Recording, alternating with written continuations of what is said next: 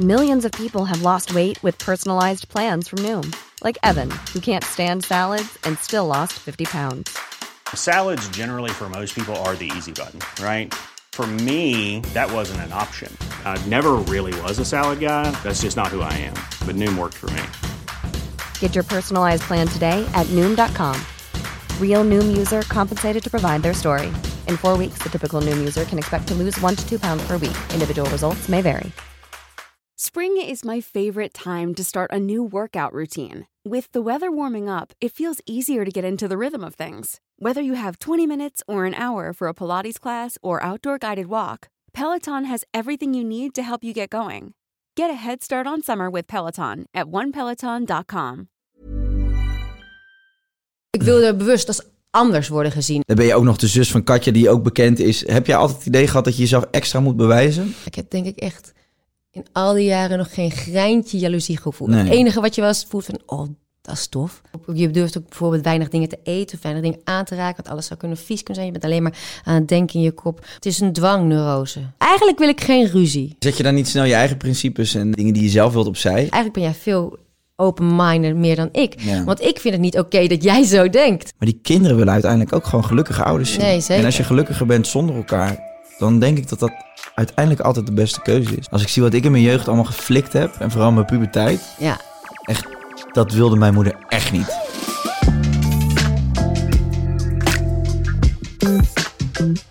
Welkom bij weer een nieuwe Even Relativerende podcast. En deze keer met Berend Schuurman. ja hallo. Welkom. Dankjewel. En jij zei net, eh, vlak voordat de podcast begon, zei je... Als mijn visagie wel eens gedaan wordt door iemand die mijn zus eh, de visagie ook gedaan heeft... Ja. Dan zeggen ze dat jullie op dezelfde momenten bewegen. En ik zie dat nu al gebeuren in de stoel. Je begint te springen en te dartelen. Kan je ook moeilijk stilzitten? ja, dat vind ik wel lastig, ja. Dat ben ik niet zo heel erg van. Dan is dit een eh, bijzondere tijd voor jou. Wat, dit uurtje bedoel je? nou, dit uurtje, maar ook gewoon eh, wat er in de wereld aan de gang is. Ja, ja, dat klopt inderdaad. Ik vind het. ehm, ik ben graag wel in beweging. Maar ik kan. Ik luister. luister. Ik kan. Oké. Je zit er toch. ik zit er nou toch. Ik kan, ik kan best goed rust nemen. Als ik weet wat er in het vooruitzicht is. Bijvoorbeeld als ik tussen, als ik even producties, eh, een productie heb gedaan waar ik zeven, acht maanden getoerd heb. En als ik dan daarna 2,5 maand eigenlijk bijna niks in mijn gaan- agenda heb staan, dan kan ik daar echt wel van genieten. Als ik weet, daarna komt weer iets drugs. Maar toen het inderdaad dus die hele lockdown was, toen dacht ik, de eerste twee maanden, oh, eigenlijk wat chill. En Ja. toen op het einde, dacht ik, hmm, hey, maar ehm, ik ben wel benieuwd, hoe heb jij eh, de afgelopen tijd eh, je dagen een beetje besteed aan? Nou, ik... eh Wacht, wacht, wacht, ho, Birgit, ho, halt, wacht. hu. Ja, stop. Eh, ik stop je heel eventjes. Eh, voor de mensen die weer roepen van... je stelt je gasten niet voor. Jullie hebben gelijk. Ik ben het weer vergeten. Dit is Birgit Schuurman. Vooral bekend in mijn optiek als actrice. Maar je doet ook toneel. Ehm, ik ben begonnen als zangeres zelfs, maar dat was nog, was nog in een Galaxy Far Away voor jou. echt? Zeker weten hoor. Was dat in de tijd dat je zus Katja ook zong? Ehm, nou, eigenlijk... Katja is toch je zus of zusje? Kat is mijn grote zus. Jouw grote zus. Grote zus. Wat scheel, hoeveel schelen jullie Zij eigenlijk? is 2,5 jaar ouder. Oké. Ja, nee, ik, eh, jeetje, wanneer was dat? Denk ik zo in 2001 had ik eh, een aantal eh, hits. En eh, wat bij de. Welke dan? Ja, I. Know was zo'n eh, top 10 hits. Weet je, zo'n pop-rock-achtig liedje. Ja. Ja, als je het hoort, denk je misschien, oh, dat liedje. Dus daar heb ik wel op de TMF Awards en de, de, de Pepsi Pops en de, en de voorprogramma van Roxy Music en al dat Nee, soort, eh, joh. ja, dus ik ben echt als mu bij muziek begonnen en daarna kwam, kwam eh, acteren. Dus heel grappig soms als ik mensen me nu horen zingen, ze, oh, wat leuk dat je ook kan zingen. Zeg, dankjewel. Maar wat vind je leuker dan? Um, oei, oei, oei. Dat, is, eh, dat blijf ik altijd een lastige vraag vinden, omdat eh, als ik zing, dan ben ik gewoon rechtstreeks, stap ik in in mijn hart. Wauw. En als ik speel, dan tap ik in iemands anders hart in. en, maar het is allebei, vertel je een verhaal. Mhm. Weet je, met, met zingen en, en met acteren. En ik denk dat ik muziektheater het allerleukste combinatie vind. Dus niet, dat is niet gelijk musical, maar muziektheater. Dus als ik een voorstelling speel waarin ook soms eh, een, een muziek verwerkt in zit. En dat Ja. je kan zingen. Dan heb je, dan heb je eigenlijk heb je het beide. Ja, precies. Best of both worlds. Maar ja, ik vind het niet... Ja, ik, het, zoals, soms zijn er mensen van, ja, als je moet kiezen... Dat is ook, Ja, dat, je hoeft ook niet, hoef te, niet kiezen. te kiezen. Nee. Flikker erop. Nee. Het mag allemaal naast elkaar Ja, leven, precies. toch? Ja, nee, je hebt groot gelijk. Ja. Maar het is wel, ik, ik ken jou Grappig als... dat jij dat ook niet wist. Nee, ja, dat is ook... Kijk, dat wil ik ook nog wel even bij zeggen. Ik doe eigenlijk bij mijn podcast eh, nooit eh, research. Dat hoeft ook helemaal niet. Anders kom je weer met dan van die Wikipedia-weetjes aan die helemaal niet kloppen. Snap je? Nou, of, nee, maar of dan ga ik die standaard vragen stellen van... Ja. hey, eh, toen begon je dus mee... Ik vind het ook wel leuk om nog verbaasd Ja, te worden. ja, ik, je mag me gewoon leren kennen. Oh, wat leuk. Ja. Birgit, ik wil je graag leren kennen. Nou, maar ik, ik ken jou dus voornamelijk als actrice. Dus dat muziekgedeelte of dat zinggedeelte... dat is bij mij dan een beetje ontgaan. Want ik was denk ik ook te jong ik denk, wat hoe oud ben jij? Ik ben 30. Ja. En wanneer was jij echt papping? Weet je? Papping. Wanneer was jij echt fliekie? wanneer was jij gaande? Nou ja, ik was denk ik, eh, dat was ik zo 2002 of zo. oh ja, 2003. dan was ik 12. Ja, Ja. Toen Ja. was ik fan van Christina Aguilera. Aguilera. Ja. Aguilera. Genie in a Bottle. Zo, ken je hem nog? Ik zeker wel. Ja, en wie had je toen nog? Ik vond, wel, ik vond het wel grappig. Ik ben wel echt opgegroeid met de box en TMF en MTV en zo. Ja, maar je hebt nooit mijn video aangevraagd. Dat vind ik een beetje jammer. Ik heb mijn duim helemaal blauw ge-sms'd om die video van jou erop te krijgen, man. Je krijgt nog kwam 300, niet, ja. 300 gulden van je. Kut, ja. Ik stuur, stuur zo een tikje. Maar dat is wel even misschien voor de, voor de luisteraars die wat jonger zijn dan wij. Dat je gewoon... is een gulden? Ja, wat is een gulden? Een gulden was, eh, was, was 50 eurocent toch of zo? Zoiets, ja. Het was toen, ik weet dat toen de euro kwam in 2002, toch? Of Ja. 2000? 1. 2001?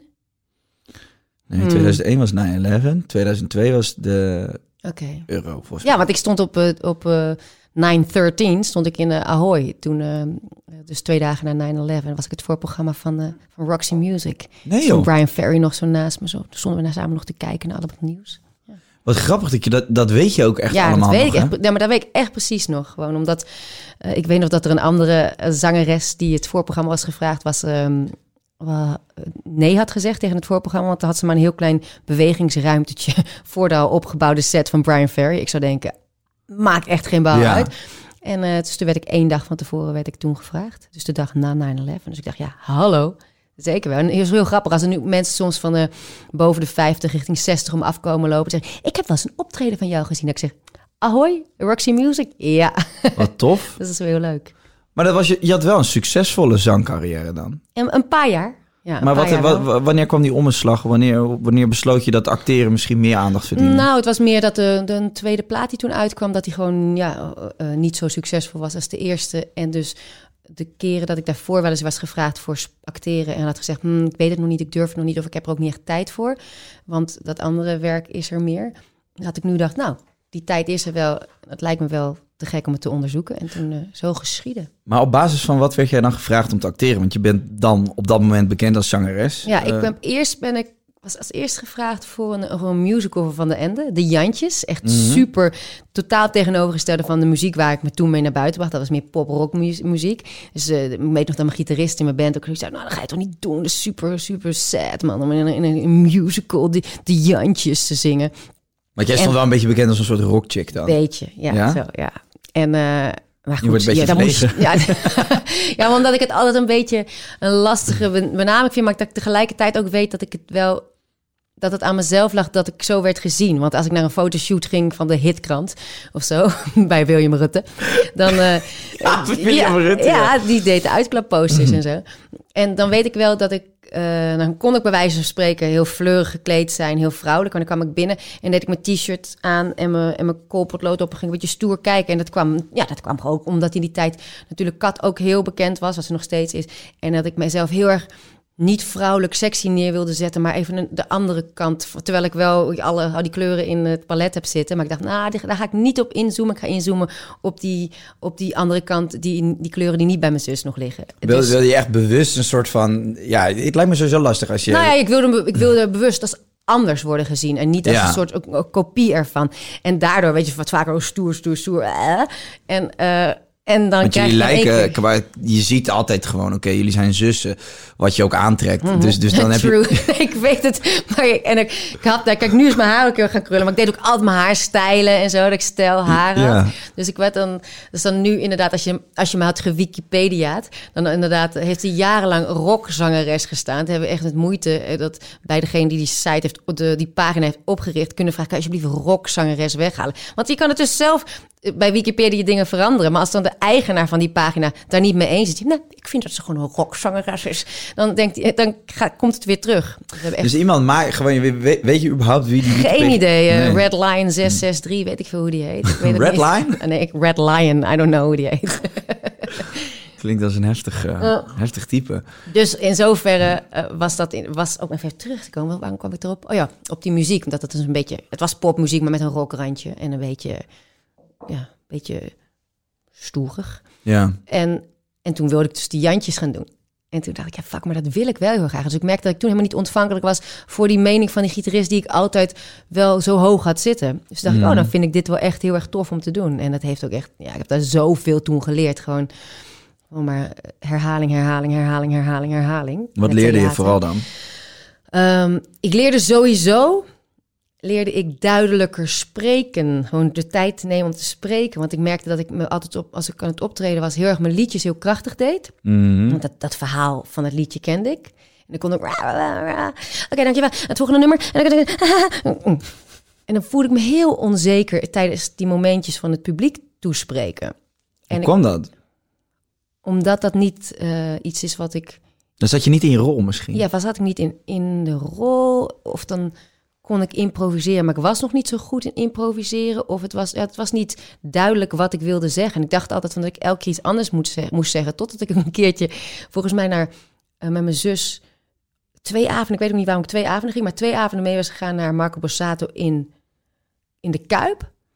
En hij, hoorde hem twee avonden dezelfde praatjes tussendoor zeggen. Toen dacht ik, wow, dat kan je gewoon twee keer hetzelfde kan je zeggen. Ja, en, het- en natuurlijk, waarom niet? Want En het is dus toch een verhaal. Ja, Ja. en dus, dus dat waren allemaal van dat soort eh, dingen. Ah, dus, en ook op het podium, dus met, bij die Jantjes toen dat ik dacht, ah ja, dat is wel... Ik kan ook al waren dat gewoon, eh, ik had nog nooit zo gespeeld. Gewoon eh, hardop gepraat voor publiek, echt zo duidelijk een verhaal verteld. Maar kun je, voel je je veilig als je zingt? Ja, ja, eigenlijk wel. Want je zit denk ik ook wel heel erg in je eigen bubbel op dat moment. Maar het ligt wel aan heel erg wat, hè? want ik deed toen best wel up-tempo, een beetje poprockachtige dingen. En waar ik me nu het meeste in thuis voel, zijn toch kleine, kleine liedjes. Ik, kleine liedjes. Klein, hele, hele, van die hele kleine Heel liedjes. klein, zo. Eén zinnetje. Ja, nee, gewoon Ah, met klaar. een piano of met een gitaar. Gewoon klein, rustig Ja. plaat.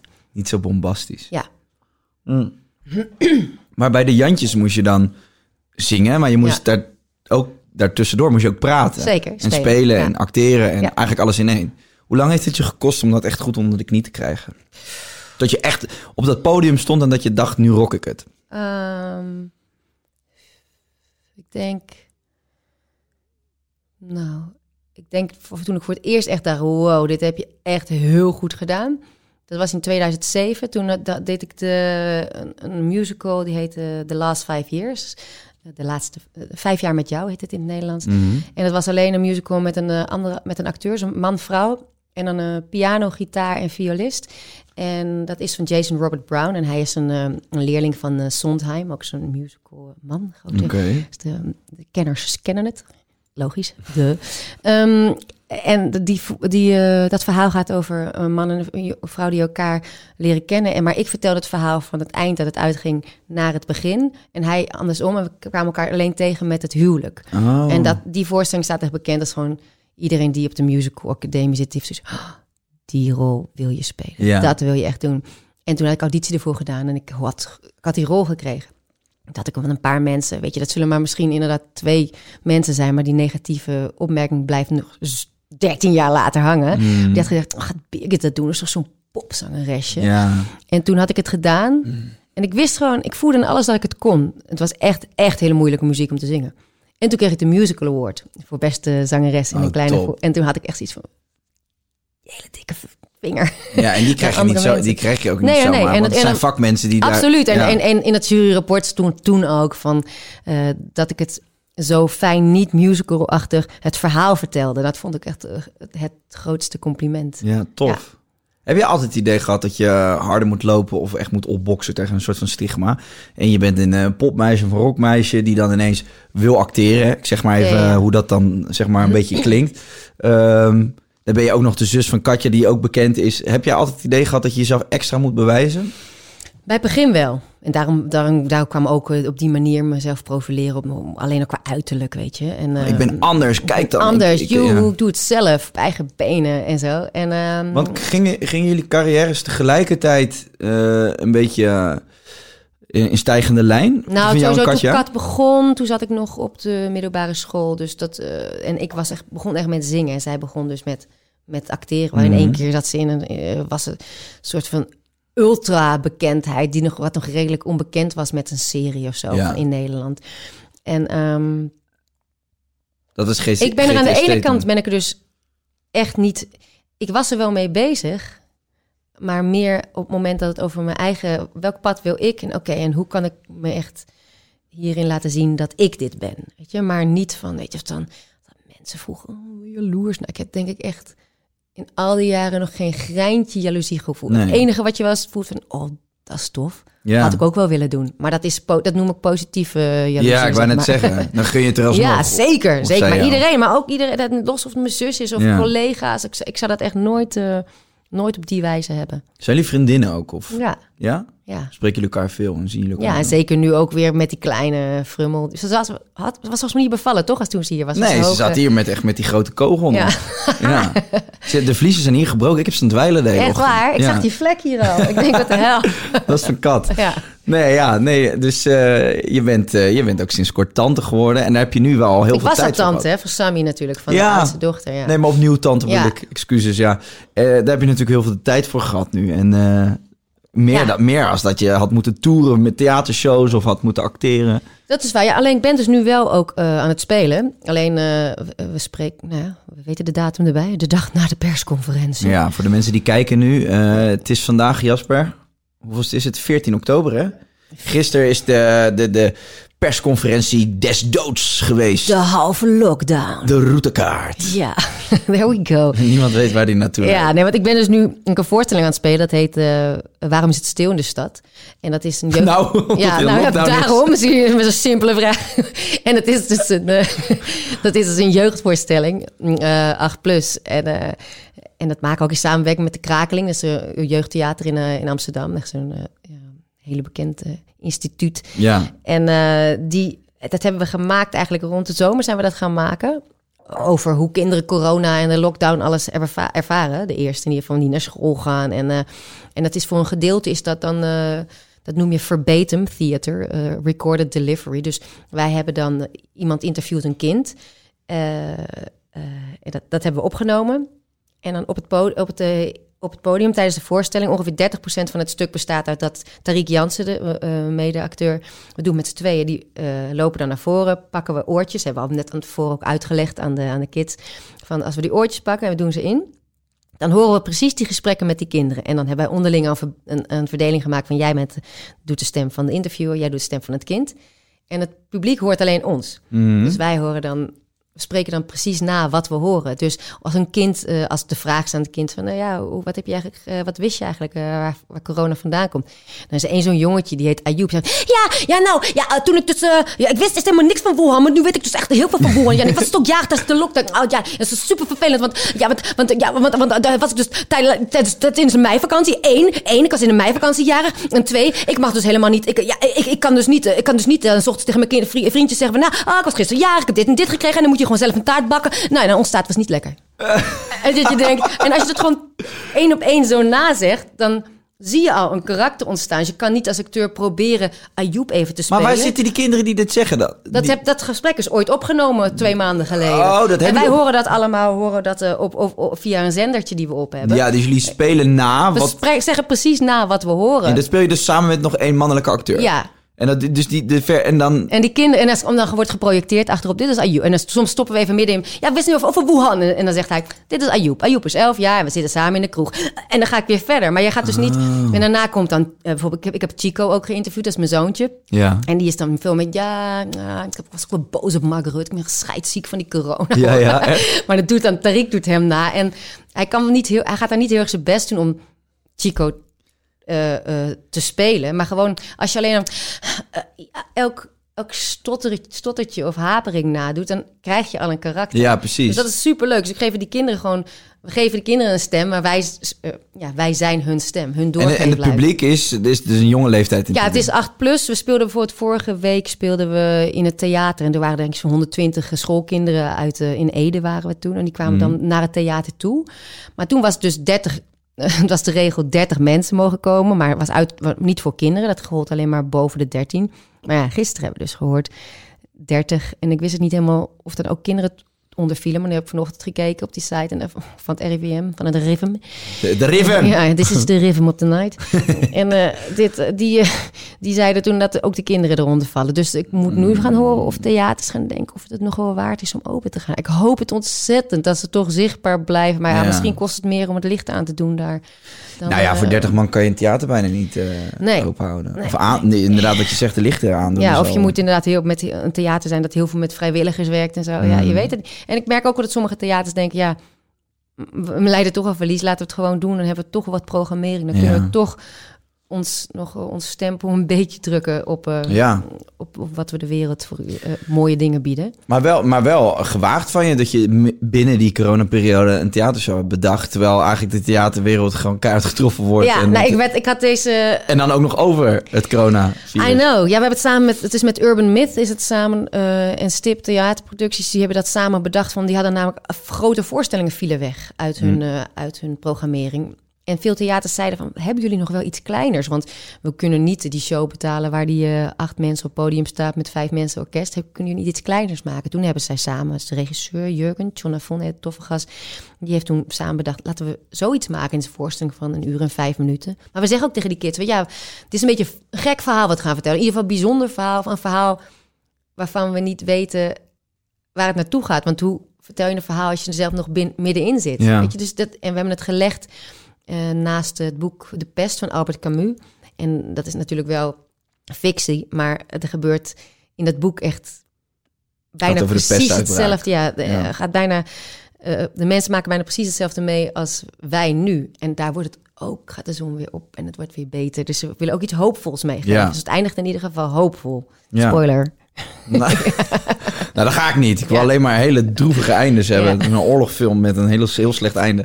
Nee, ja, nee, ja het is... Het is eh, ik moet nou weer oppassen dat ik niet weer... eh, Ja, we gaan het niet over. Ja, sorry. Ja, ik, Ja. ik had ook kunnen zeggen, mijn voorstelling ging over... Bloemetjes en over, bijtjes. Over eh, verliefd op Ibiza. I don't know. Dat was jij net, pas geleden, toch? ik, was, ik was nog even op Ibiza. Ja. En verliefd ook, toch? Ja, ja ik ben Ibiza is top. Zeker nu in de winterslaap is het helemaal relax. En maar je, hebt het, eh, je, je, speelt, je speelt voor de jeugd en eh, je hebt het ook over hoe het is voor de jeugd. Ehm, leuk bruggetje. Ja, leuk. Hoe, hoe, Gaan was je eigen, hoe was jouw eigen jeugd Oh, eigenlijk? dat was een hele fantastische jeugd. Nee, ik Ja? heb echt best wel een fijne jeugd gehad. Zijn jouw, eh, jouw, jullie ouders altijd bij elkaar gebleven? Ja, die zijn...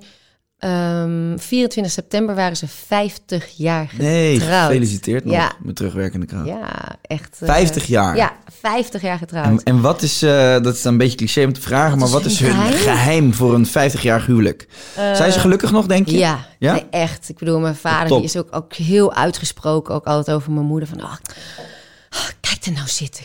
Kijk, je moet, wat ziet ze er toch weer prachtig uit, toch? Het Ja, is heel erg dat is zo fijn. complimenteus. Echt heel erg. En mijn moeder die is dat minder op die vocaal op die wijze naar hem. Ehm, die is wel heel erg van ontvangen en heel lief en mega zorgend. En die zou zeker ook wel zeggen, je ziet er mooi uit, Wim. Mm. Weet je?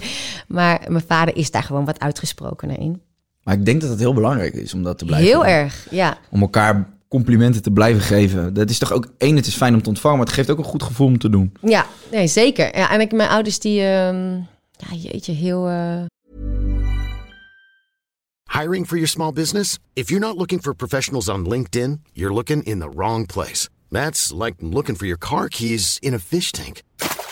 LinkedIn helps you hire professionals you can't find anywhere else, even those who aren't actively searching for a new job but might be open to the perfect role. In a given month, over 70% of LinkedIn users don't even visit other leading job sites. So start looking in the right place. With LinkedIn, you can hire professionals like a professional. Post your free job on linkedin.com slash people today.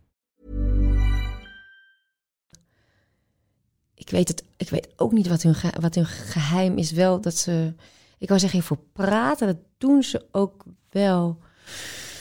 Mm, Maar daar zitten wij natuurlijk niet altijd bij. Dus als we dat vragen, dan zegt mijn vader ja ook goed blijven communiceren en praten. Maar dat hebben wij natuurlijk niet altijd bijgezet. Ja, en die hebben ook echt niet alleen maar happy, happy, joy, joy tijden gehad. Nee. Hoor. Want mijn moeder die, toen ik elf was, toen, toen rondom die tijd heeft mijn moeder heel erg heftige eh, smetvrees gehad. En daar heel erg mee, eh, jaren mee ge, ge- Echt? ja, Oh, gezeten. hoe is dat voor haar nu dan? Dat nou, serieus, dat dachten wij dus ook van holy crap, Ja. hoe gaat dat? Echt totaal geen niet. deurklink meer aan te raken. Nee, echt totaal niet. Daar is ze echt heel erg overheen eh, gekomen. Heeft wel jaren geduurd. Mm. Ook nog in die periode wel ook nog een paar maanden uit huis geweest is. en, echt, echt extern daar psychisch begeleid. Dus het is wel. eh, ik denk dat ook een van die redenen is dat Kat ook best wel wat open is geweest. Ook over haar. eh, dat zij ook eh, met dingen struggelt. En omdat dat ook wel gewoon toch wel ja, genetische dingen zijn, ook in de familie. En dat is heel vaak dat soort dingen ook een Oh, soort van taboes worden. Want, want het is best wel, het wordt best wel vaak gebruikt, hè? Ook ja, van ook smetvrees of zo. Ja. Oh Maar- ja, hoe dat uitte vroeger? Nou ja, dat is voor je moeder heel heftig geweest. Ja, zeker. Ja, jeetje, Mina. Eh, ja, wat ik me zeg maar kan herinneren eh, is gewoon, weet je, als de boodschappen thuis kwamen, werden de boodschappen afgewassen. En, eh, en als de vriendjes thuis kwamen, dan was het wel zo van, oh, dat hoorde ik dan later dat mijn moeder via de band, dan om te zorgen dat ze hun handen was. Ze zei van, wil je wat chipjes? Ja, dan moet je even je handjes wassen. Oh ja, ja. Weet je? Ehm, of was dan de, de, de beetje de dorpsgekkie eh, Norbert uit het dorp die niet helemaal normaal was. En, Ja. eh, als hij dan krantjes kwam brengen en dan was mijn moeder echt en alles wat hij had aangeraakt schoonmaken. Want ergens zat er dan in de hoofd dat dat, dat, dat zeg maar anders zijn, niet helemaal normaal zijn. Dat hij daar misschien op had zitten kwijlen. Of, Ja, eh, of dat het, dat het bijna besmettelijk op een gekke Oh, manier was. Ja, dus het was heel... ehm, maar bij haar heeft toen, toen medicatie heel geholpen. En ik ben heel vaak tegen dingen, ja, medicatie, medicatie. Maar wat voor medicatie kreeg je daarvoor dan? Ja, dat is, het is ook een soort serotonine tekort of bepaalde dingen die... eh, eh, mijn moeder legde het uit toen ze het nam, dat daarna... In één, ze had allemaal therapieën, zeg maar, nog voordat ze medicatie had. Maar ze zegt, ik hoorde het aan. Ik snapte dat ze gelijk hadden, maar ik kon er niks mee. En toen kreeg ze een bepaald soort... Fevarine heette dat toen. En dat noemen ze iets van de angstpil, of weet ik veel. En, dan- en ze zegt, toen ik dat had, ging in één keer... Alsof ze dat, dat zwarte gaasdoek in het theater, alsof het omhoog ging. En het in één keer binnenkwam. En toen is ze echt binnen vier maanden echt mega veranderd. Zonder bijwerkingen. Ja. Zeg maar, dan is het top. Ja, en dat heeft ze een paar jaar gedaan. En daarna is het langzaam aan ze dat afgebouwd en zo. Dus je gebruikt het niet meer. Nee. nee. Zo, maar te gek. Ja, maar dan dat gaat er... echt- maar wij dachten ook wel met, eh, inderdaad, eh, Ja. hoe gaat het nu met corona in één keer zijn? Want dat, eh, dat, maar dat is, dat is fantastisch dat dat zo kan helpen. Maar er is voor haar echt een soort tweede, tweede leven begonnen op dat Zeker, moment. ja. Ja, absoluut. Ik wist niet dat dat zo heftig kon zijn dat je daar echt therapie en medicijnen voor nodig had. Ja, maar het is, dit is, het is alles beheersend. Het is, ik bedoel, ik weet dat we op, op, op- je durft ook bijvoorbeeld weinig dingen te eten of weinig dingen aan te raken. Want alles zou kunnen vies kunnen zijn. Je bent alleen maar aan het denken in je kop. Want dat moet schoongemaakt worden. Dat en je bent, het, het, het, het, het is een dwangneurose. Zou voor je De- vader ook moeilijk geweest Ja, zijn. mega. Dus daarom kwam ik erop, omdat je mijn vader is natuurlijk... En het had en fulltime baan. Toen mijn moeder een aantal maanden uit huis moest, weet je, ook in je eentje voor die kinderen eh, zorgen. Ik bedoel, mijn vader kan heel veel, maar bijvoorbeeld koken kan hij echt niet. Dus ik heb bijvoorbeeld... Mijn vader maakte toen... Ik moet gaan denken, moksa alesi. Maar dat was gewoon witte kool gekookt. Dus mijn zus en ik gooiden er altijd heel veel ketchup overheen. Dat was onze moksa alesi. Met rijst doorheen. Maar ja... Hij kon een pan met water koken. Ja, dat was het ook wel ongeveer. Maar ja, hij moest zoveel doen. Maar dat mijn vader en moeder nog door die moeilijke periode... Ja, elkaar zijn blijven zien. En ja, dat is echt wel heel mooi. Maar moest je vader dan eh, drie keer douchen op een dag ook? Of, Dat of soort dingen weet ik. handen nee, wassen? ja, de handen en- wassen was wel echt, echt, een, echt, echt een ding. En ik weet nog dat we op vakantie waren. En ik, pas later wist ik dat we... Hadden we de tent was net opgezet. We waren helemaal naar Frankrijk gereden. En toen moesten we dan voor, twee dagen later weer verder. Hmm. Eh, en toen denk ik, waarom gaan we weer weg? Maar blijkbaar stonden we dus onder een boom die heel erg luizen had. Dat is van dat Oh, plakspul. En dat was mijn moeder echt, nou, die kon niet slapen van de angst, zeg maar, voor viezigheid. Dat is echt heftig. Je Ja. Wat, in dat men, wat jij al zegt, mensen gebruiken het vaak. Oh, heb je smetrace of zo, weet je. En ja, maakt ook niet. Ik bedoel, dat kan je mensen ook niet kwalijk nemen als je niet weet, eh, als je niet weet wat de consequenties kunnen zijn als dat in een gezin is. Nou ja, nee, het wordt met heel veel dingen. Kijk, eh, je hebt heel veel mensen die zeggen... eh, Jeetje, die gozer is een beetje autistisch. Of, Ja, dat is ook best een dingetje. Of, hij, hij heeft echt ADHD. Of er worden heel veel van dat soort dingen gewoon misbruikt. Dat kun je eigenlijk echt niet zeggen. Ja, maar goed, ja, dan worden we ook wel weer heel erg netjes met de taal. Soms moet je, wil je iets zeggen voor... Nee, maar voor- ja, ik ben het helemaal met je eens Ja. dat, je, dat je soms in spreektaal gewoon een woord gebruikt of dat er ineens iets Ja. oppopt. Maar meer van, dat je eh, er niet van- bewust van bent. Nee, wat dat kan doen. In, Ja. in mijn geval dus met smetvrees, inderdaad, ik zou dat eerder gebruiken als iemand zegt van, oeh, wacht, eh, vies, er ligt poep op de grond. Zeg je, Ja. heb je smetvrees of zo? Precies. Maar dat, dat als je dat dus echt hebt, dat dat gewoon je hele leven beheerst. Ja. Dat vind ik vrij heftig om Is te wel, horen. is wel een dingetje, ja. Maar ehm, jij zegt er is genetisch. Mhm. Ehm, je- heeft, je- want Katja, die heeft daar, heeft daar dingen van eh, overgenomen? Of, of ja, die heeft een beetje dwangdingetjes. Maar daar heeft ze, dat is niet, niet dat ik nu loop te snitchen hoor. Dat is, heeft, Nee, heeft nee, ze heel erg over, over uitgelaten. Die, kan, ja, die heeft daar wel hulp bij. En ik heb zelf wel eens gedacht, oeh, ben ik... Want even, even dom gezegd, nou, niet dom. Is weer een oordeel- geen weer domme een- dingen. Precies, weer een oordeel over mezelf. Ehm, dat ik wel eens dacht, oeh, ben ik dan de dans ontsprongen? Ben ik dan, omdat ik niet zo dat soort dingen in mijn kopje had? Wat is het meeste wat in de buurt komt van dwang, wat jij hebt in je leven? Mm. dat ik heel lang eh, soms in rondjes blijf lopen over een bepaalde kwestie. Van, voordat Le- ik een als, als keuze in letterlijk maak. lopen of in gedachten? Nee, in gedachten. Ja. Als een soort Dagobert Duck die van die rondjes... Ja, misschien lees je geen Donald Duck, maar ik ja, wel, dat nee, ik ken hem. dat Dagobert Duck maakte altijd van die rondjes in zijn tapijt helemaal... omdat Ja. hij dan aan het, aan het rondlopen was en denken hoe hij de zware jongens moest verslaan. Maar zo loop ik dan in mijn, in mijn hoofd een beetje zo rond... voordat ik keuzes, sommige keuzes kan maken. En dan heet het afwegen en wat andere mensen ervan zouden vinden. Maar hoe komt dat? Vind je, vind vind je het gewoon lastig om... Hou je te veel rekening met, met Jan en Alleman voordat je een keuze maakt? Ja, soms wel en soms dus helemaal niet. Het is echt heel, heel, heel... eh, Soms maak ik weer te veel rekening hou ik met anderen en soms misschien weer niet. Ja, het is een beetje lastig om te zeggen. Ik bedoel, wij spreken... Ik had afgelopen maandag had ik eh, met... met eh, het is een sportgroepje. Ik sport zo waar sinds een aantal maanden. En... en dat is een groepje waar die bestond al uit acht eh, chicks. En daar was ik, eh, mocht ik dan, eh, kon ik bijkomen, het kon tot tien. En toen zei ik op een gegeven moment: Oh, maar die vriendin voel ook nog wel. Oh, die ook, die ook, die ook. En er waren er een paar van hun groepje weggevallen. Dus uiteindelijk zitten in die tien zitten we met zit ik met drie vriendinnen. En er waren twee vriendinnen heel luidruchtig, maar op een leuke manier. Oké, 18, 19, 20, oké, je kan het, je kan het. En die andere meiden waren wat rustiger. En dan voel ik me in één keer, het is echt belachelijk wat er dan gebeurt. Ik zeg, nou, eh, probeer ik het via een grapje. Oh ja, nou, eh, wel luidruchtig hè, mijn vriendinnen. En tegelijkertijd denk ik, oh, ik hoop niet dat ze denken van, jeetje, Birgit, waarom nemen die, die meiden mee? Eh, want jeetje, je neemt het over. En toen zeiden ze van, ja, taking over. En denk ik, oh, bedoelen ze dat cynisch? Bedoelen ze dat, eh eh, eh, is het gewoon een normaal grapje? En dan ben ik me heel erg druk aan het maken. En dan moet ik hem daarna zeggen tegen die vriendin van... ja, bedoel ik niet dat jullie je rustig of stiller hoefden te houden of zo. En dan denk. Maar dan ben je eigenlijk met heel veel mensen tegelijkertijd rekening mee. de hele tijd. En dat ik echt... Behalve met je- maar behalve dit- met jezelf. Ja, dit valt vast niet onder dwangneurose, maar gewoon onder een bepaald soort persoonlijkheid. Maar Daar loop je wel vaak tegenaan in je leven. ja, best wel vaak dat ik de hele tijd... eh, Maar ook met je vak is het ook ja, ik wil eigenlijk, eigenlijk wil ik geen ruzie.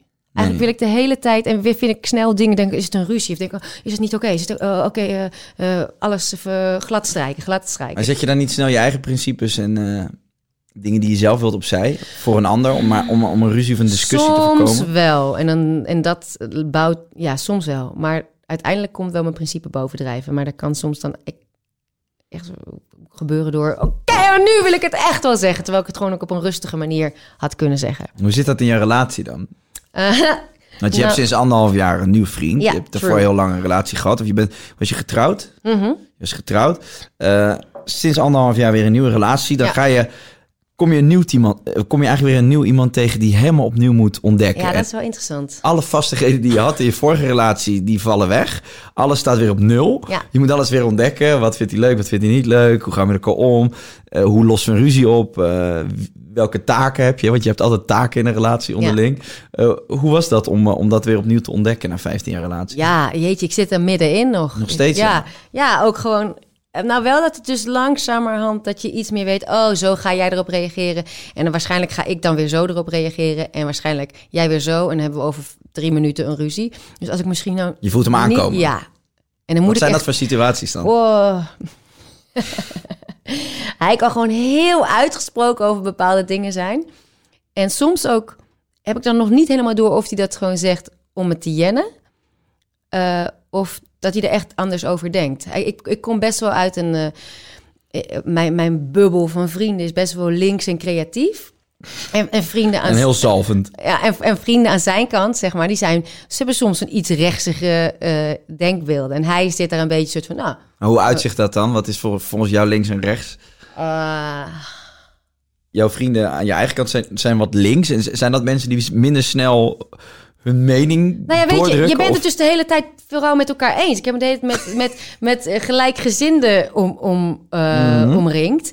Eh, en nu heb ik een keer iemand die zegt, nou, vind ik eigenlijk helemaal niet. Waar loop jij tegenaan dan met je, met je vriend? In, Ja, waar ik tegenaan loop, tegen dat eh, ik, ik sowieso heel snel denk dat iets een ruzie is. En hij vindt het gewoon een woordenwisseling of Ja. een eh, uitwisseling van meningen. En, maar hij heeft ook nog zo'n hele basstem. dat is serieus. Dat is dan snel voel. Ik voel me snel aangevallen. En hij is soms gewoon wat minder genuanceerd in bepaalde dingen zeggen. En later zegt hij, ah ja, dat, dat had. Zegt, nou, soms, als ik geluk heb, dan zegt hij soms... ja, dat had ik misschien op een andere manier kunnen zeggen. Maar ik, in, in plaats van dat ik niet gelijk... ik moet leren dus niet gelijk zo eh, gebeten op elk ding. Hij zegt, ja, woorden, woorden, woorden, woorden. Ik zeg, Ja. ja, maar woorden hebben weerhaken. Ja, ah, weerhaken, weerhaken. Eh, jij met je woorden. maar jij, jij, jij, jij fietst dat er wat voorzichtiger in allemaal. Jij bent wat meer zalvend. Ja, maar dat is, kom ik weer terug op dat andere. Dat ik dan eigenlijk niet mensen tegen het hoofd wil stoten. Maar Mm. als het dan ergens over gaat. Ik bedoel, eh, een vriend van hem die... eh, ik was thuis het boek eh, aan het lezen van De meeste mensen deugen. Ja. En, eh, en die vriend kwam over de vloer en die zei... Oh leuk, mag ik hem naar jou lenen? Ik zeg, ja, tuurlijk. En toen zei ik daarna van... Ja, ik denk dat ik hem volgende week uit heb. Die neem maar een grapje. Ik hoef dat eh, boek niet van die communist. En, en, ik, en, en die maakt een... En hij zegt, hoe weet je nou dat hij zo en zo denkt? Hij zegt, ja, hij staat bij me in de klas. En, en ik weet hoe die denkt. en dan... En ik merkte dat ik dan heel erg eh, happend eh, op die vriend ging. Terwijl ik die echt een super aardige gast vind. En eh, die is mega van alles wat ik heb, deel ik met jou. Maar hij zegt ze, maar waarom val je me zo aan? Ik vind het prima dat jij zo denkt. Dat je, jij denkt hoe jij denkt. Zeg ik, oh wat grappig. Dus eigenlijk ben jij veel open-minded meer dan ik. Ja. Want ik vind het niet oké dat jij zo denkt. Mhm. En dat vond ik wel voor mezelf een soort van eye-open. Dat ik denk dat ik zo, oh, ik vind het heel oké hoe iedereen denkt. Maar ja, dat hoef ik helemaal niet vaak te denken. Want meeste mensen in mijn omgeving, die denken allemaal zoals ik denk. En als ik dus iemand tegenkomt die dan dus inderdaad in mijn ogen rechtser is over bepaalde dingen. Van, eh, en dan, dan denk ik, oh, wat, wat ben je een eikel? Terwijl hij denkt niet bij mij, wat ben je een eikel? Denk ik alleen, ook, ben het niet met je eens. Probeer je veel mensen te overtuigen van eh, jouw Linksheid? nou, opvattingen van, van de wereld. Ehm, nou, Stel je voor dat wij een discussie krijgen over iets waar jij het heel erg mee... Eh, maar, eh, ik zou wel proberen als het... Als waar maak jij je echt hard, hard voor? Ben je bijvoorbeeld heel erg bezig met klimaat? Ben je waar, wat, wat, eh, Ik vind soms dat ik me te weinig ergens hard voor maak. En dat ik maar een beetje me afzijdig soms juist hou. Omdat ik vind dat ik echt wel heel goed beslagen ten ijs moet komen om iemand te kunnen overtuigen. Omdat ik anders dan. Ik heb ook wel eens dat ik in een, in een eh, gesprek zit. En dan zegt iemand iets. En ik voel aan alles van. Ik ben het er niet mee eens. En ik probeer de woorden voor te vinden. En ik denk, oh, ik, ik durf hem niet aan te gaan. Omdat ik nu eigenlijk met een paar uur zou moeten terugtrekken.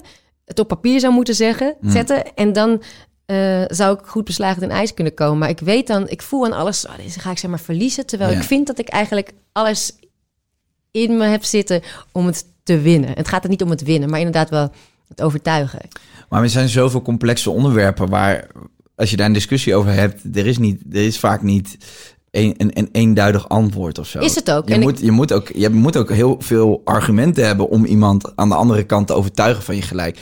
En daarbij komt ook nog dat diegene aan de andere kant ook vindt dat die gelijk Ja, heeft. true. Dus die zoekt weer argument om jou te overtuigen. Ja. Dus het is, het is- in sommige gevallen, tenminste dat vind ik, moet je elkaar niet altijd willen overtuigen. En gewoon zeggen klopt. van, we hebben En- andere opvattingen. En daar is mijn vriend dus echt beter in. Die is Mhm. dus van, ja, we hoeven het toch niet overal over eens te zijn. Terwijl ik vind het heel fijn om het over eens te zijn, want dat voelt veilig. En als ik dan niet over eens ben, dan denk ik van, huh, hoe kan ik nou verliefd zijn op iemand die zo of zo denkt daarover? Denk je dat dat er überhaupt nog een, aan een politieke kleur te hangen is? Denk je dat linkse mensen over het algemeen rechtse mensen sneller willen overtuigen? Of denk je dat dat wel 50-50 is? Dat dat gelijk is? Oeh, ik denk dat echt heel erg aan de persoonlijkheid ligt. Hm. Denk ik. Wat, hoe denk jij daarover? Nee, ik denk dat dat gelijk is. Want, want je gelooft in je eigen gelijk. Of je Ja. nou aan de rechterkant van het spectrum zit of aan de, linker, of aan de linkerkant. Ja, Je probeert iemand altijd te overtuigen van het feit dat jij... Je hebt een beeld van de wereld en hoe je zaken ziet. En eh, nou, dat is in jouw optiek dan de ja ik zeg waarheid. het. Ja, precies. Ik zei ook tegen mijn zoontje. Ik bedoel, in de Tweede Wereldoorlog waren de Duitsers de vijand. Maar de Duitsers zeiden dat wij de vijand waren. Nou ja, maar, nee, maar je lacht. Maar, Ja, maar dat is toch het zo? is natuurlijk wel een feit dat Ja. op het moment dat jij eh, daar van de staatspropaganda de hele dag te horen krijgt dat de, de vijand daar en daar zit, ja, dan geloof je dat op een gegeven True. moment. Ja. Dus het is ook niet zo gek. Ja, iedereen heeft zijn eigen denkraam. Ja, natuurlijk. Nu ik dat dan gezegd heb, denk ik, oh, zei ik het dan? Zei ik het? Zei ik- wat er nu in mijn hoofd omgaat, is, eh, zei ik het wel goed? Eh, want natuurlijk, je kan niet in je eentje een vijand hebben, want je met altijd vijanden staan tegenover elkaar. Dus eh, Ja. het klopt niet helemaal wat ik zei net. Wat, wat, Nee, wat- ik zei de Nederlanders zeiden van de Duitsers zijn de vijand en de Duitsers en de Nederlanders is de vijand. Maar ja, logisch, want je hebt er altijd twee ogen tegenover elkaar. Maak ik mezelf niet echt duidelijk nu. Hmm, nee, ik duidelijk. denk dat ik begrijp wat je bedoelt. Dat je, altijd, je hebt altijd twee vijanden. Die Ja. vinden allebei dat ze gelijk hebben. Om Ja. aan sluitend op ons verhaal. Ja. En daarvoor zijn ze vijanden. Nee, precies. Want die willen elkaar overtuigen. En daarvoor val ik jouw landje binnen. Ja, precies. Landje pik. Ja, nee, dat klopt. Dus, ehm, maar dat zie je nu, nu, toch, nu toch sowieso in de wereld heel erg gebeuren. Eh, dat, dat mijn gelijk is het gelijk en er bestaat niks anders. Althans, dat is mijn gevoel. Ehm, Ja, er is weinig, er is inderdaad gewoon weinig ruimte voor, eh, voor eh, rustig met elkaar praten. Nou, dat is wat ik je zei. En dan komen we toch weer heel even op het, het C-woord. mm, Eh, maar dat, eh, dat ik had ook vanochtend een post gedaan over dat ik het eh, bepaalde eh, maatregelen niet begreep. Van, hè, van eh 30 mensen mogen wel binnen bootcamp, maar ze mogen met buiten maar met z'n vieren bootcampen. En dat je dan gelijk mensen zegt, ja, eh, dat het in plaats dat mensen zeggen, oh, eh, of het gesprek gewoon rustig aangaan. ja. Het gaat van, ja, van hoe kan je zo dom zijn en, en, koop een mondkapje om, om je meningen te filteren. Doe lekker een, een melpamper op of Ja, een smoeluier. en hou je mening lekker voor je, Birgit. Wat denk je wel niet? Dat jij wat mag zeggen over het coronavirus? Je moet eens 15 dagen meelopen in de zorg. True. Ja, nee, zoiets. Zulke dingen krijg je. Ja, je herkent het natuurlijk. Ja, maar dus- dan op het moment dat ik erop ging reageren, wat ik eigenlijk dan toch dus ga doen, omdat ik het eigenlijk wil ik de angel eruit trekken, want ik vind het, dat, ik vind het zo irritant. Ik ken die hele andere persoon niet die aan die andere kant dat Mm. heeft ingetikt. En ik had ook niet op accepteren kunnen drukken in mijn DM. En toch wil ik het dan, omdat ik niet meer wil dat diegene mij stom vindt. En ik wil graag het gesprek ook gewoon normaal hebben gehad. Als je bent een wild vreemd persoon die je niet kent, ben je op dat moment het overtuigen van het feit dat je niet stom bent. True. Dus heel veel energie voor is iets waar je heel weinig aan hebt. Wat ik wel heel fijn vond, toch, is dat hij zeg maar na twee keer heen en weer appen zei excuses dat ik zo fel op je reageerde. Ja. En, maar ik, ik dacht ook van, nou, Beer, dit moet je niet te vaak doen. Want ik- inderdaad, ik kan beter gewoon met mijn zus bellen of zo. En kijken Maar ik met snap het wel, hè? Ik snap het wel. Ik, ik, ik zeg het nu heel stoer tegen je. Van, eh, maar ik snap het wel. Het is ook menselijk, denk ik, om dat te willen. Maar Nee, het maar is- omdat, het kwam, omdat jij zei van of we, eh, dat er weinig plek is voor, voor gewoon gesprek. En op dat moment had ik even een gewoon gesprek eigenlijk. In plaats van, ik zei dit. Hij. Terwijl ik dan moet eh, eigenlijk wil aangaan van, maar ik denk dit. Oh ja, maar dat, dus er wordt, er wordt even gestopt met schreeuwen. Ja, nee, En er maar wordt ben, gewoon heel veel geschreeuwd. En dat geeft daarna ook wel een soort opluchting, een goed Ja, gevoel. zeker. Maar ik moet niet nog op al die andere shit gaan reageren, want dat kost te veel energie. Nee, het zou echt een, echt een tip van mij. Maak je er niet te druk om. En, en, en probeer ook niet eh, in de veronderstelling te leven dat je de hele wereld kunt overtuigen. Maar het zou wel fijn zijn als het, als het debat lukt, op een nee. normale... Ja, als het lukt. Maar ik ga het toch proberen. Iedereen moet denken zoals Birgit. Nee, maar omdat ik, ik probeer ook het onderwerp... Ja, het is misschien lastig voor jou, maar ik heb het in, die, in, in, podca in deze podcast al best wel vaak gehad over eh, discussies en... eh, ja, de wereld waar we in leven met social media en gesprekken die daarop op plaatsvinden. En eh, dat er eigenlijk weinig ruimte is voor een debat en eh, respect voor elkaars mening. Dus ik probeer dat ook weer een beetje te vermijden. Helemaal goed. Waar gaan we het over hebben? Vlinders? Lievelingskleur? Ik probeer ieder onderwerp te Ja. vermijden met jou. Nee, zo is het helemaal. Ik maak het je heel moeilijk. Nee, waar ik wel eh, benieuwd naar ben, is... Ik moest ineens denken, jij... eh, Eigenlijk zeg je dat je in deze relatie krijg je een soort leermomentje, toch? Dat je, Zeker. dat je denkt, nou, ik heb het misschien wat snel in mijn aannames. Of ik dacht dat ik zo en zo in de wedstrijd stond. Maar blijkbaar ben ik, ben ik helemaal niet zo. Ehm, ik zat laatst had ik met een vriend een gesprek eh, over dat we terugdachten aan het moment dat we een jaar of 18 waren. En hoeveel je dan eigenlijk nog verandert sinds je 18e. Toen hadden we het een beetje over, nou, dat zullen voornamelijk je wordt wat volwassener, je krijgt meer levenservaring, eh, je wordt wat rustiger, eh, je denkt misschien wat langer na over bepaalde dingen, wat minder impulsen.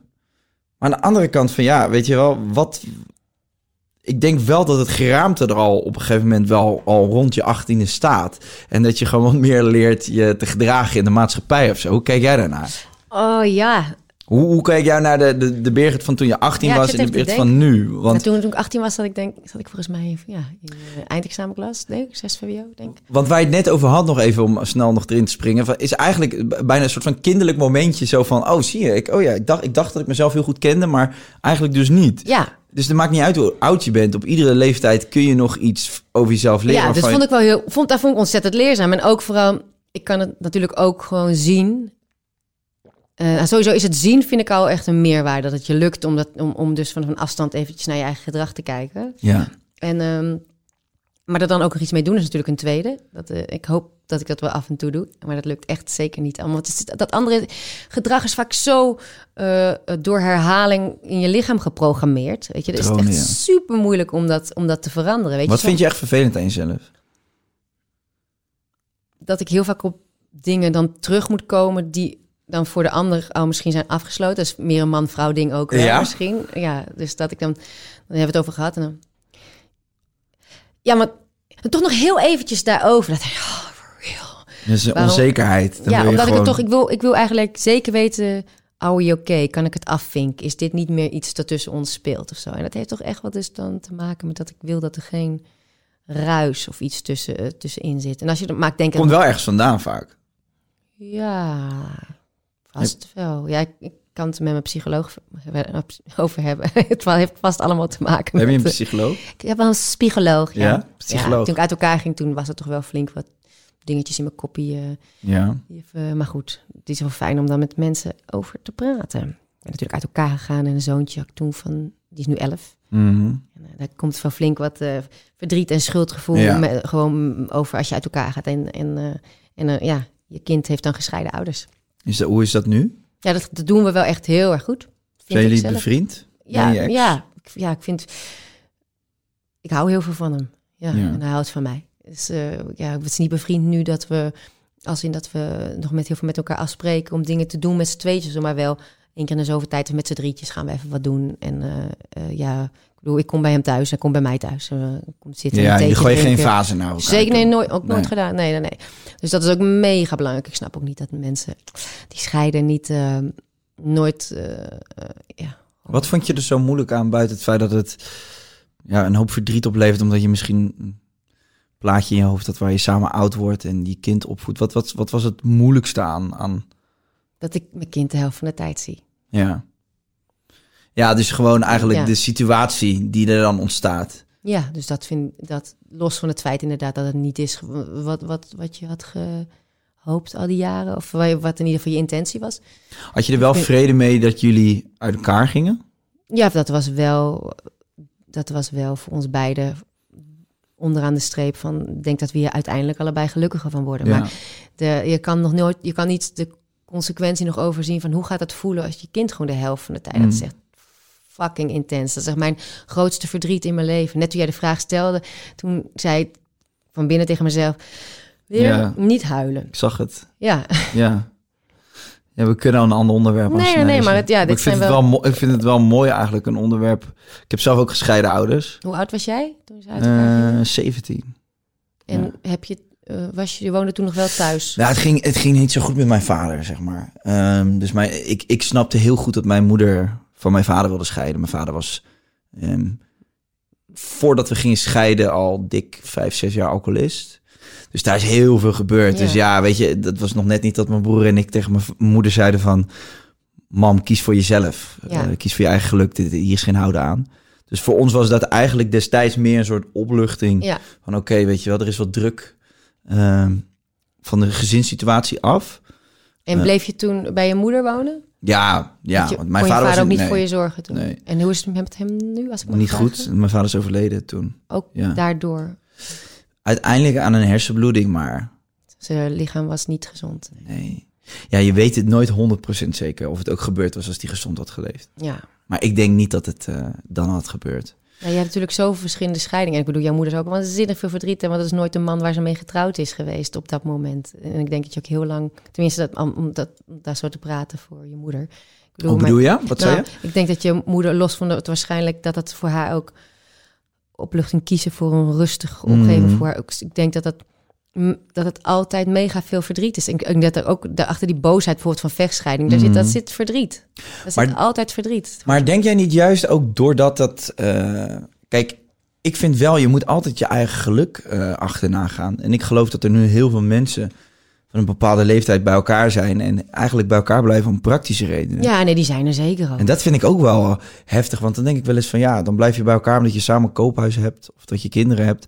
Maar die kinderen willen uiteindelijk ook gewoon gelukkige ouders zien. Nee, zeker. En als je gelukkiger bent zonder elkaar, dan denk ik dat dat uiteindelijk altijd de beste keuze is. Ja, dat snap ik ook. Het is meer, dat we hadden ook nooit thuis ook ruzies. Het was meer gewoon twee eilandjes op een gegeven moment geworden. Ja, maar dat voel je als kind, hè? Ja, En, en nu voelt eh, eh, je kind wel dat jij weer gelukkig bent met een nieuwe man. En die ziet, moeder stralen. En ja, dat Ja. is heel veel waard. nee, dat is ook heel veel waard. En, ik, en dat, dat is ook zeker veel waard. En is heel mooi, want je, wat ik jou hoor, hoor zeggen, is ook wat mijn vriend ook inderdaad heel vaak zegt. Weet je, op momenten dat ik eh, verdrietig ben. Ja. Van, eh, kijk aan de positieve kanten. Maar dat, nee, dat, die, die bestaan er ook, maar die sta- staan gewoon naast het verdriet dat je wel zo kan hebben. Van dat je denkt, oh, weet je, ja.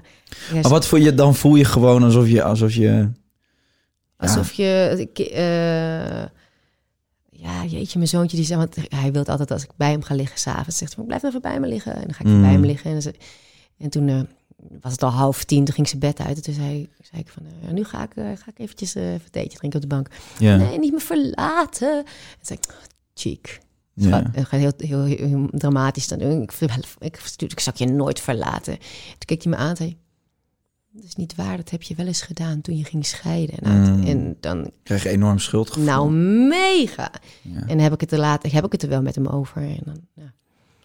En eh, dan. Maar kinderen weten zelf vaak niet wat de impact is van de dingen die ze zeggen. Ja, maar, ik, hij kant- mag alles zeggen. Ja. En ik, heb ook, ik was ook verdrietig. Ik heb hem ook laten zien dat.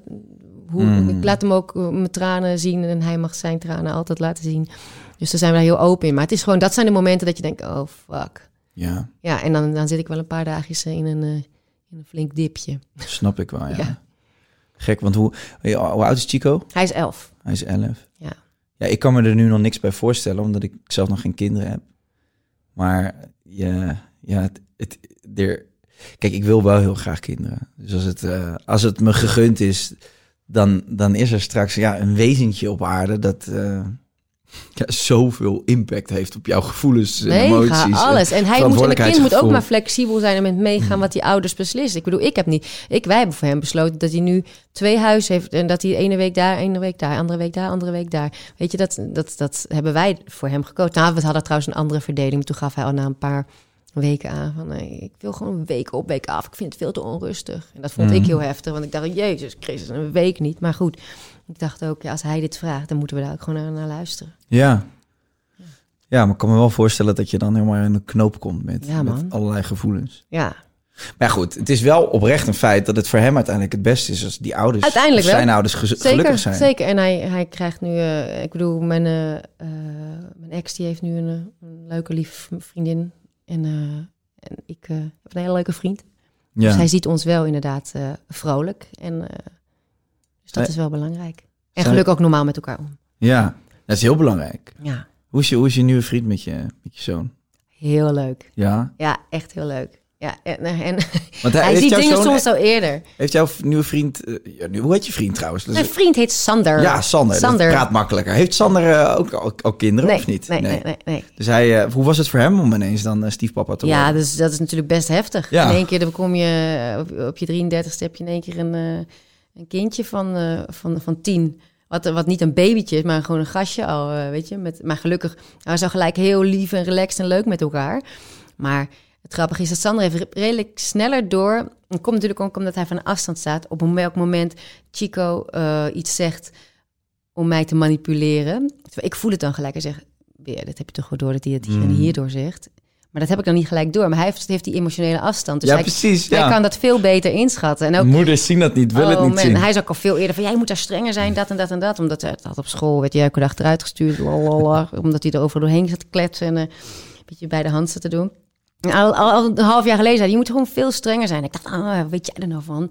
En nu zijn we afgelopen, an- afgelopen maand he- heel streng geweest. Allemaal dingen met consequenties, kamerarrest en dat. Als een fucking blad aan een boom is gedrag op school. Ja? veranderd. En dan zegt mijn vriend, mijn vriend, in plaats van dat Sander dan zegt van... eh, van eh, fijn man, zei.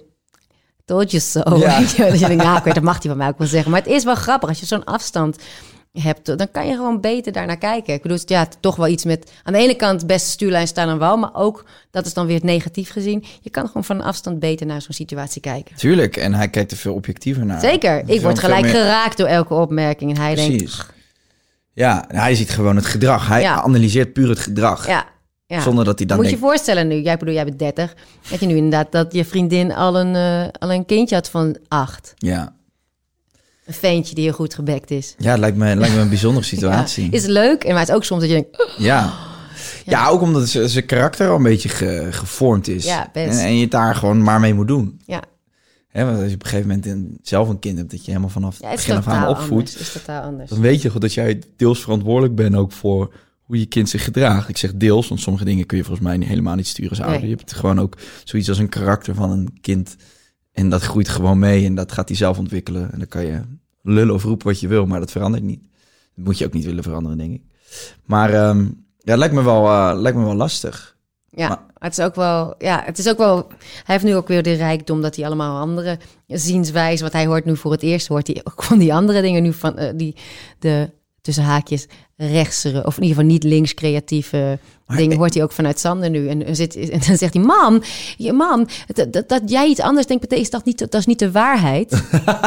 ho ho ho ho ho ho oké wijsneus je hebt gelijk. Ja. Ja. maar het is heel goed, denk ik. Want kijk, als jij je kind opvoedt samen met je man... of eh, in het geval van een man samen met je vrouw...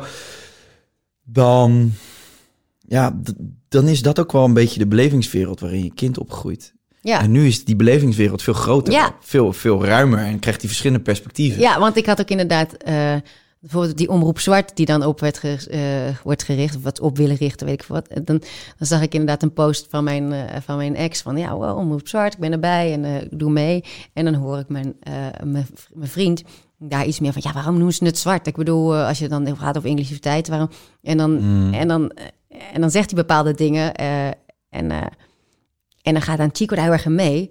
Eh, eh, van, van ja, ja, ja, waarom doen ze dat? Eh, toen zei ik, oké, oké. Ja, ik vind het prima dat jullie dit gesprek hebben. Hartstikke goed.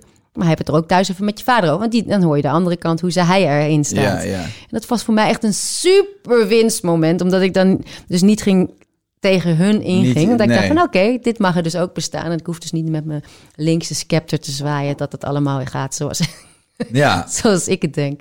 Nee, maar je kneedt je kind onbewust natuurlijk Ja, gewoon. zeker. Met, Dus- je, met, ja, je, met, ja. je eigen, met je eigen opvatting en je gedachten. En uh, uiteindelijk kneed je... Joh ook. Ja, kind is een soort oliebol die gekneed wordt door zijn ouders. En de krenten zijn een stukje, die, die krenten stop jij erin. Hier, een beetje van dit, een beetje van dat. Ja, Ik vind het wel, eh, het is denk ik heel modern en ook wel een verrijking op, op langere termijn. En zolang die jou eh, gelukkig ziet en zijn vader gelukkig en die praten niet slecht over elkaar, hebben geen ruzie, denk ik dat, dat die daar op den duur niet zo heel veel last van ondervindt. ik hoop het. Volgens mij ben je een hele lieve moeder.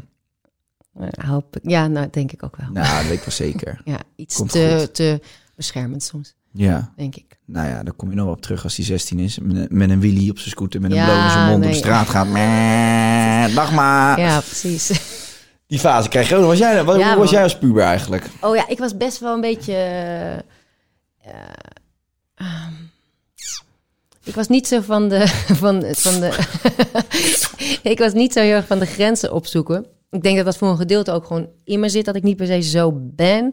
En ook wel omdat ik eh, op een gegeven moment zag dat Kat dat wel deed. En ik zag wat dat thuis voor een eh, onrust teweegbracht eh, bij mijn ouders. En, en dat ik dan daar nog iets verantwoordelijker van werd. En mijn zus noemde dan ook wel eens Jaapie Krekel, weet je. "Oh, Je bent altijd, weet je, het Je was geweten van Pinocchio. Minder de Ja. grens opzoeken. min- Ja, maar dat kan denk ik ook wel... Ja, dat is, dat is en zowel ook in elkaar zit... en ook wel dus het willen... niet onrust willen veroorzaken... het goed willen houden, sussen. Ja, maar om, omdat Katja op dat gebied Die was, er eh, wat, die, was, ja, die was als eerste voorop eh, in de... eh, experimenteren, ja, feesten. geweest. eh, of dan, ja, maar toen had, je dus nog, had ze nog geen mobiele telefoon Nee. in een galaxy far away. en dan was het echt van, ja, ik ben bij, ik ben bij Mirjam, doei. En dan denken je ouders ook, waar Ja. woont dan Ja. denk ik, kom morgen terug, Wie is. Mirjam? Ja, Nooit gezien. dus dan, eh, ja, dan, hoorde je wel van, ja, papa die heeft tot eh, twee uur beneden bij de telefoon gezeten. Oh, ja, dat was in die tijd. Kan je je helemaal niet voorstellen. nu. Ja. Hey, maar hoe was het sowieso voor jouw ouders dan om, om twee dochters te hebben die allerlei, allebei bekend werden en eh, in de schijnwerper stonden. Hoe was dat voor jou? Dus wordt Ja. veel over jullie geschreven. En Ja, ik denk dat ik heb dat eigenlijk niet vaak zo met mijn ouders daar zo over gehad. Wel wat ik natuurlijk gewoon zelf meemaak of zie. Kijk, het lastige is, ik heb geen vergelijkingsmateriaal. Ik weet niet hoe het voor ze was geweest als we allebei eh, recht hadden gestudeerd of allebei Mm. kapster waren geworden of zo. Weet je, dat, dat weet ik ook. Dat weet ik niet. Ik weet, het moeilijk wel eens? nou ja, wel op, momen- op met heel veel meningen. Mm. Kijk, je wordt natuurlijk overladen. eh, als iemand al zegt, wij spreken, nou Chico is wel een, eh, een lastig jongetje. Als ze dat al zouden zeggen. Dat is dan nog, dat is dan nog peanuts vergeleken met de dingen die natuurlijk ook over kat soms werden gezegd, Ja. weet je. Ja. Eh, nou, ik, dan moesten mijn ouders, die lazen natuurlijk wel eh, al die shit ook over. Lazen over ze dat kind. wel? Ja, dat komt. Al, le- al lees je het niet, dan zegt de buurvrouw het wel. Heb Ja. je gehoord wat ze geschreven hebben over je dochter? Dan ga je naar de kapper en dan ligt er zo'n blad. bij wijze van spreken, weet je. En, dus ik denk wel dat dat soms eh, wel pittig voor ze is geweest. Maar eh, ze zijn altijd in alles mega steunend geweest. Als zo speelde ik in Sittard, er stond het mijn vader en mijn moeder in een leren jackie vooraan. eh, eh, dan eh, altijd wel bij een van de zoveel optredens te kijken. Eén keer in een paar maanden. Ja. Ja.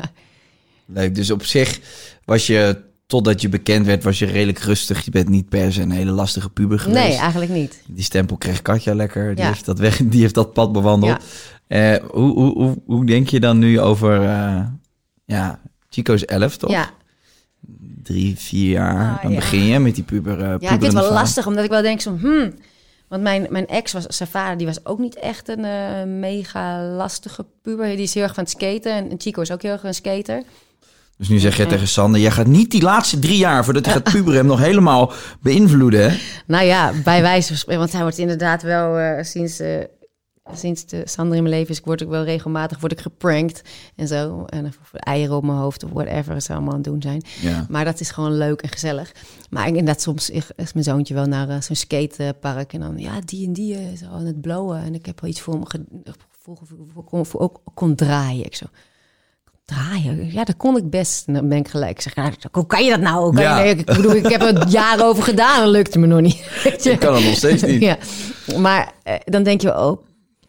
Ja, en dan, en dan hoor ik mezelf zeggen... Ja, ik hoop niet dat je gaat blowen, hoor. Later. Oh ja, nee. Heb jij dan wel eens gebloot? Ja, zeg ik. Ja, heel... Ja, kut, wat moet ik zeggen dan? Ja, Ja, natuurlijk heb ik wel eens gebloot, weet je. Ik zeg, ja, wel, maar het is echt niet goed voor je, hoor. Nee, maar dan ga ik ook... Ik denk wel dat ik het een keertje ooit ga proberen. Ik zeg, ja, dat... Oké, ja, wel. dat snap ik wel. Maar ik denk, ah, ik hoop dat hij niet... Ik hoop dat hij gewoon blijft doen wat hij zelf wil doen. En natuurlijk ga je altijd dingen doen omdat een, een, iemand anders het ook doet. Maar ik hoop toch wel dat hij redelijk bij zichzelf blijft. En dat hij het ook in het groepje mag horen. Terwijl hij het zelf misschien, wij spreken, niet zou willen blowen. Of Ja. heel veel gaan willen zuipen. Maar het, is, het gaat natuurlijk gewoon gebeuren, man. Alles wat je niet hoopt gaat gebeuren. Ja. Ik denk dat je daar gewoon op moet instellen. Ja, Als ik zie wat ik in mijn jeugd allemaal geflikt heb... en vooral mijn puberteit... ja. dat wilde mijn moeder echt niet. Echt niet. En ik wilde het misschien zelf niet eens. Maar ik heb het toch allemaal gedaan. Weet je, ik heb gewoon eh, echt wel... je bent al- gewoon zo bang dat je kind... Oh, vanaf het moment al- dat je kind gaat lopen, ben je bang dat hij valt. Ja, maar met, met, met, met stomme dingen als, als vuurwerk toen wij jong waren, 12, 13. Wij gooiden gewoon allemaal nitraten en vlinderbommen naar elkaar. Terwijl iedereen gewoon met een jas met een capuchon liep. Ja, het is allemaal goed gegaan. Maar de- tuurlijk denk ik ook, ja, ik krijg dadelijk ook zo'n baldadig ventje. Ja, Of misschien daar- een baldadig meisje. hoe ga je daarmee om als je zo Ja. voor twaalf met een nitraatbom naar buiten ziet gaan in zijn nylonjasje? Snap je? Dus hoe nee, maar serieus, ja, hoe ga jij dat moet je hiermee niet om? doen, gek. Ben je helemaal gek geworden. En dan zie ik mezelf ineens in dat nylon jasje ernaast staan. eh, maar, maar, Maar als je dan zegt, ja, jammer pa, ik, ga ook, ik heb nou een keertje die podcast geluisterd. Ja. En dan zei je dat je het ook deed. Ja, dan verwijder ik deze gewoon. Over twaalf jaar staat deze niet meer online, dat kan ik je wel zeggen. Nee, maar ik heb alles geflikt, weet je. Opgepakt door de politie. eh, ik heb eh, feesten. Ik heb heel veel geëxperimenteerd met drugs en noem het allemaal maar op. En eh, ja, eh, maar dat is toch allemaal goed gekomen. En dat heeft allemaal wel weer een rol in de functie gehad. En... eh, maar dat, dat, heeft mijn moeder me nooit gezegd van... ga dat eens doen of zo, weet je. Dus meer van, je kunt roepen wat je wil. Eh, uiteindelijk ga je toch gewoon je eigen pad. En je leert op een gegeven moment echt wel... naarmate je volwassen wordt van... nou, dit is zinvol en dit is niet zinvol. En Ja. als je maar gewoon de basis... ik denk gewoon vooral normen en waarden... en wees lief voor, voor mensen om je heen. Wees dankbaar en eh, zorg voor de mensen om je heen. En als je dat soort basisbegrippen of... eh, Nee, dat is het allerbelangrijkste om mee te geven. En dan hoop je maar dat hij zelf een redelijk, redelijk oké keuzes maakt daarin, Ja. toch? Dat is het echt wel. Maar ik heb het nodig gehad. Ik heb altijd prikkels nodig gehad om... om ik, ik, heb dat, ik heb dat nu nog steeds. Ik Had ben jij, had jij het predicaat eh, stempel AD? eh, ja, joh, ik heb van alle, ik heb alle stempels gehad. Ik, ik, tegen mij zeiden ze Maar van... kreeg je ga dan ook pillen? Nee, want eh, dat wilden mijn eh, ouders niet. Mijn vader ook niet hoor. Die zei altijd, nee joh, gek, je bent gewoon eh, gezond. En je Ja. bent gewoon fit. Maar je gaat niet, we gaan je niet aan de pillen stoppen. Ik had eh, vrienden die ja, echt van die ADHD-pillen kregen. Die gewoon echt een soort zombie in de woonkamer zaten dan als ze dat op hadden. Ik vond het echt heftig. En Maar ik- voor iemand die dat heeft, zit je super stil. ja, maar ik denk, ik denk ook niet... Ik denk ook niet focus dan te maken.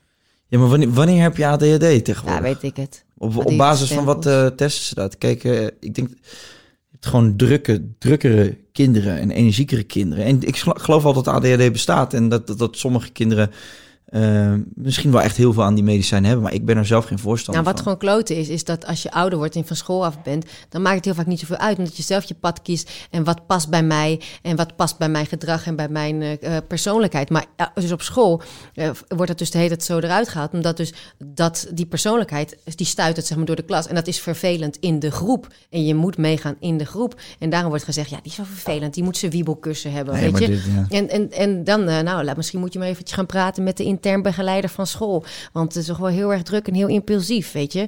Ik kreeg, eh, eh, moest op school komen omdat Chico geplast had in de vijver tijdens de, tijdens de pauze. En toen ging het protocol grensoverschrijdend gedrag Ja? in. Terwijl ik denk, ja, die vijver was misschien bijna uitgedroogd, weet je. Hij heeft gewoon gedacht Ik moest van, ook eerst gniffelen een beetje. Toen Ja. dacht ik van, ja, jeetje. Maar ja, als hij gewoon met vrienden buiten was gaan spelen, was het oké. Maar dat kan dan dus niet op school. In zo'n, dus het is ook maar allemaal in wat voor een setting heb je dat gedrag dat het problematisch is. Ik bedoel, ik denk dat eh, inderdaad voor het, het werk dat jij doet... of, eh, eh, of, of wij spreken een Jochem Meijer, weet je... die, die, die, die, die gebruikt dat in zijn energie, dat, Ja. dat, dat, dat werkt, weet je. Ja, En, ik ja. bedoel, ja, dan... je, je kiest later ook dan iets een pad dat, dat, dat bij je past en bij dat gedrag. En, en, maar op school willen ze dat dus wel vaak afvlakken. Maar grappig, want dit, ook, ook dit onderwerp heb ik nu al een paar keer in de podcast voorbij gekomen. Over het onderwijs van dat je... dus- je zou veel meer moeten kijken als een kind heel druk is. Van oké, wat kan die met die drukte? Hij loopt graag, hij praat graag. Ga gewoon eens kijken of je die kinderen dan in een kracht kun- kan zetten. Ja, Door middel van die talenten het uit te vergroten. En bij mij werd er gewoon gezegd, joh, ga maar een rondje lopen. Vond ik top hoor. Want ja. ik, eh, aan de andere kant moet je ook... Je moet ook alles een beetje op zijn beloop laten. Ik, ben- ik ben wel echt gewoon go with the flow. En, en alles wat er gebeurt, ook als je denkt van... Oh, mijn kind, eh, ik, ik verlies de grip. Of eh, weet je, je hebt niet altijd grip. En dat is ook niet, je, moet, je moet ook niet altijd grip willen hebben. Nee, true. Ze ja, moeten eerlijk ook- zijn thuis. En, en, en je moet alles met ze kunnen bespreken. Maar ze moeten ook echt zelf op hun mel gaan af en toe. Ja, en een vriend van mij die zegt ook die zelf dus ook uh, ADD of ADHD, hoe je het noemt. Die zei ook van, het komt echt goed, goed met Chico. Het is zo goed. Tuurlijk. je, dat is gewoon een, en, dat, en dat komt het ook helemaal. En ik, Ja. ik, ik, ik zie ook gewoon heel erg dat het tof is, de soort in de soort impulsiviteit komt ook heel veel superleuks leukheid uit, weet je. En hij denkt Ja. ook op een hele grappige manier. Ik heb dan thuis nu zo'n nieuwe eh, hangplant. En dat zijn allemaal hele kleine groene blaadjes. En hij zegt zo, oh, dat ziet er net uit alsof er iets groens geëxplodeerd is en dat er dan een pauze is gedrukt. En dat vind ik zo, ik denk, ja man, wat gaaf dat je zo naar mijn plant kijkt.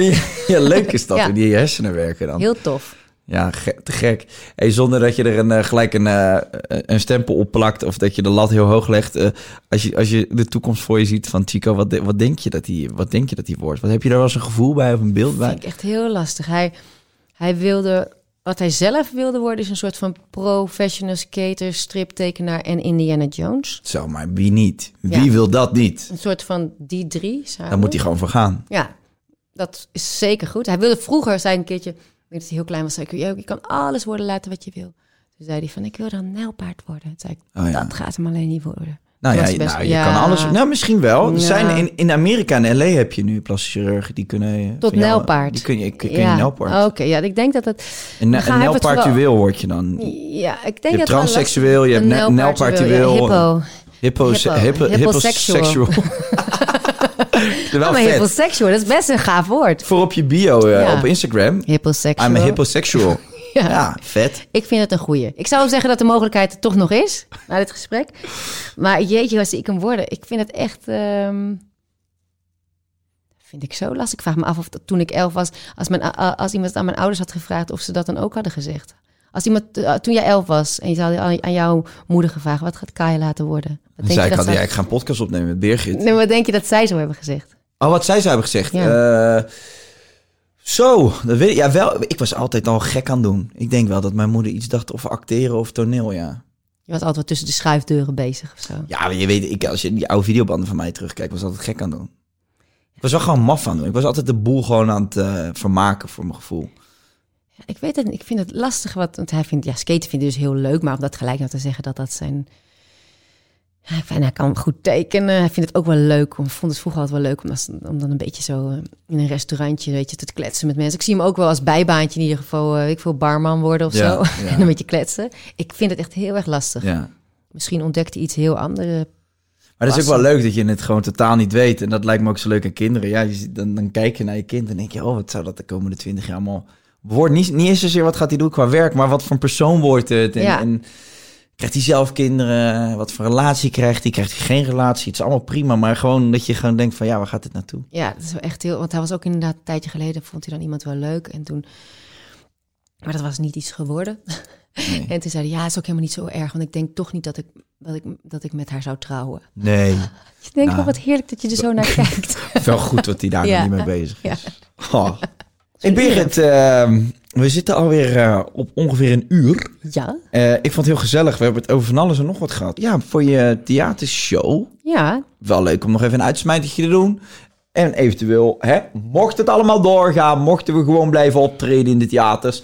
Wat heel moeilijk is geworden, maar Ja, nou ja, ga dan even, check even online of de eh, voorstelling Waarom is het stil in de stad? eh dat je die eventjes kijkt of die in het theater in de buurt is. Dat zou wel echt heel erg leuk zijn. Het is een 8-plus voorstelling, en, maar ook leuk voor volwassenen. ja, dus Dus kom met je 29 vrienden. ja, vind je het leuk om met je kind naar het theater te gaan? Wat sowieso goed is volgens mij om te doen. Ehm, dan zou ik zeggen, buy your ticket now. Ja. Hey, thank you very much. Jullie bedankt voor het kijken of Yes. luisteren. En tot een volgende. Doei doei! Bye.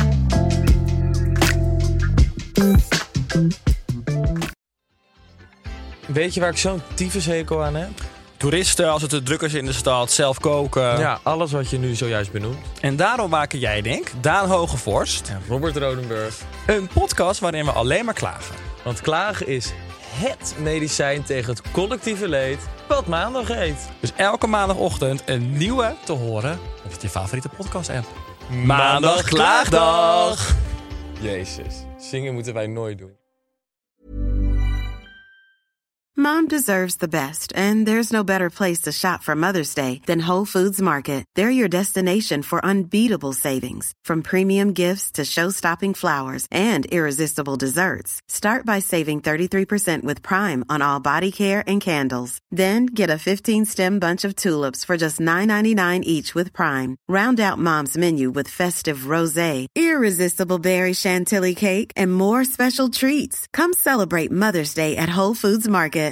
If you're looking for plump lips that last, you need to know about Juvederm lip fillers. With Juvederm Volbella XC and Juvederm Ultra XC, your lip look, whether it's subtle or bold, can last up to one full year with optimal treatment and no additional maintenance. Find a licensed specialist and see if it's right for you at juvederm.com today. That's J U V E D E R M.com. Add fullness to lips in adults over 21 with Juvederm Volbella XC or Juvederm Ultra XC. Do not use if you have severe allergies or a history of severe allergic reactions, or if you're allergic to lidocaine or the proteins used in Juvederm. Tell your doctor if you have a history of scarring or taking medicines that decrease the body's immune response or that can prolong bleeding. Common side effects include injection site redness, swelling, pain, tenderness, firmness, lumps, bumps, bruising, discoloration, or itching. As with all fillers, there's a rare risk of unintentional injection into a blood vessel, which can cause vision abnormalities, blindness, stroke, temporary scabs, or scarring. For full important safety information, visit juvederm.com.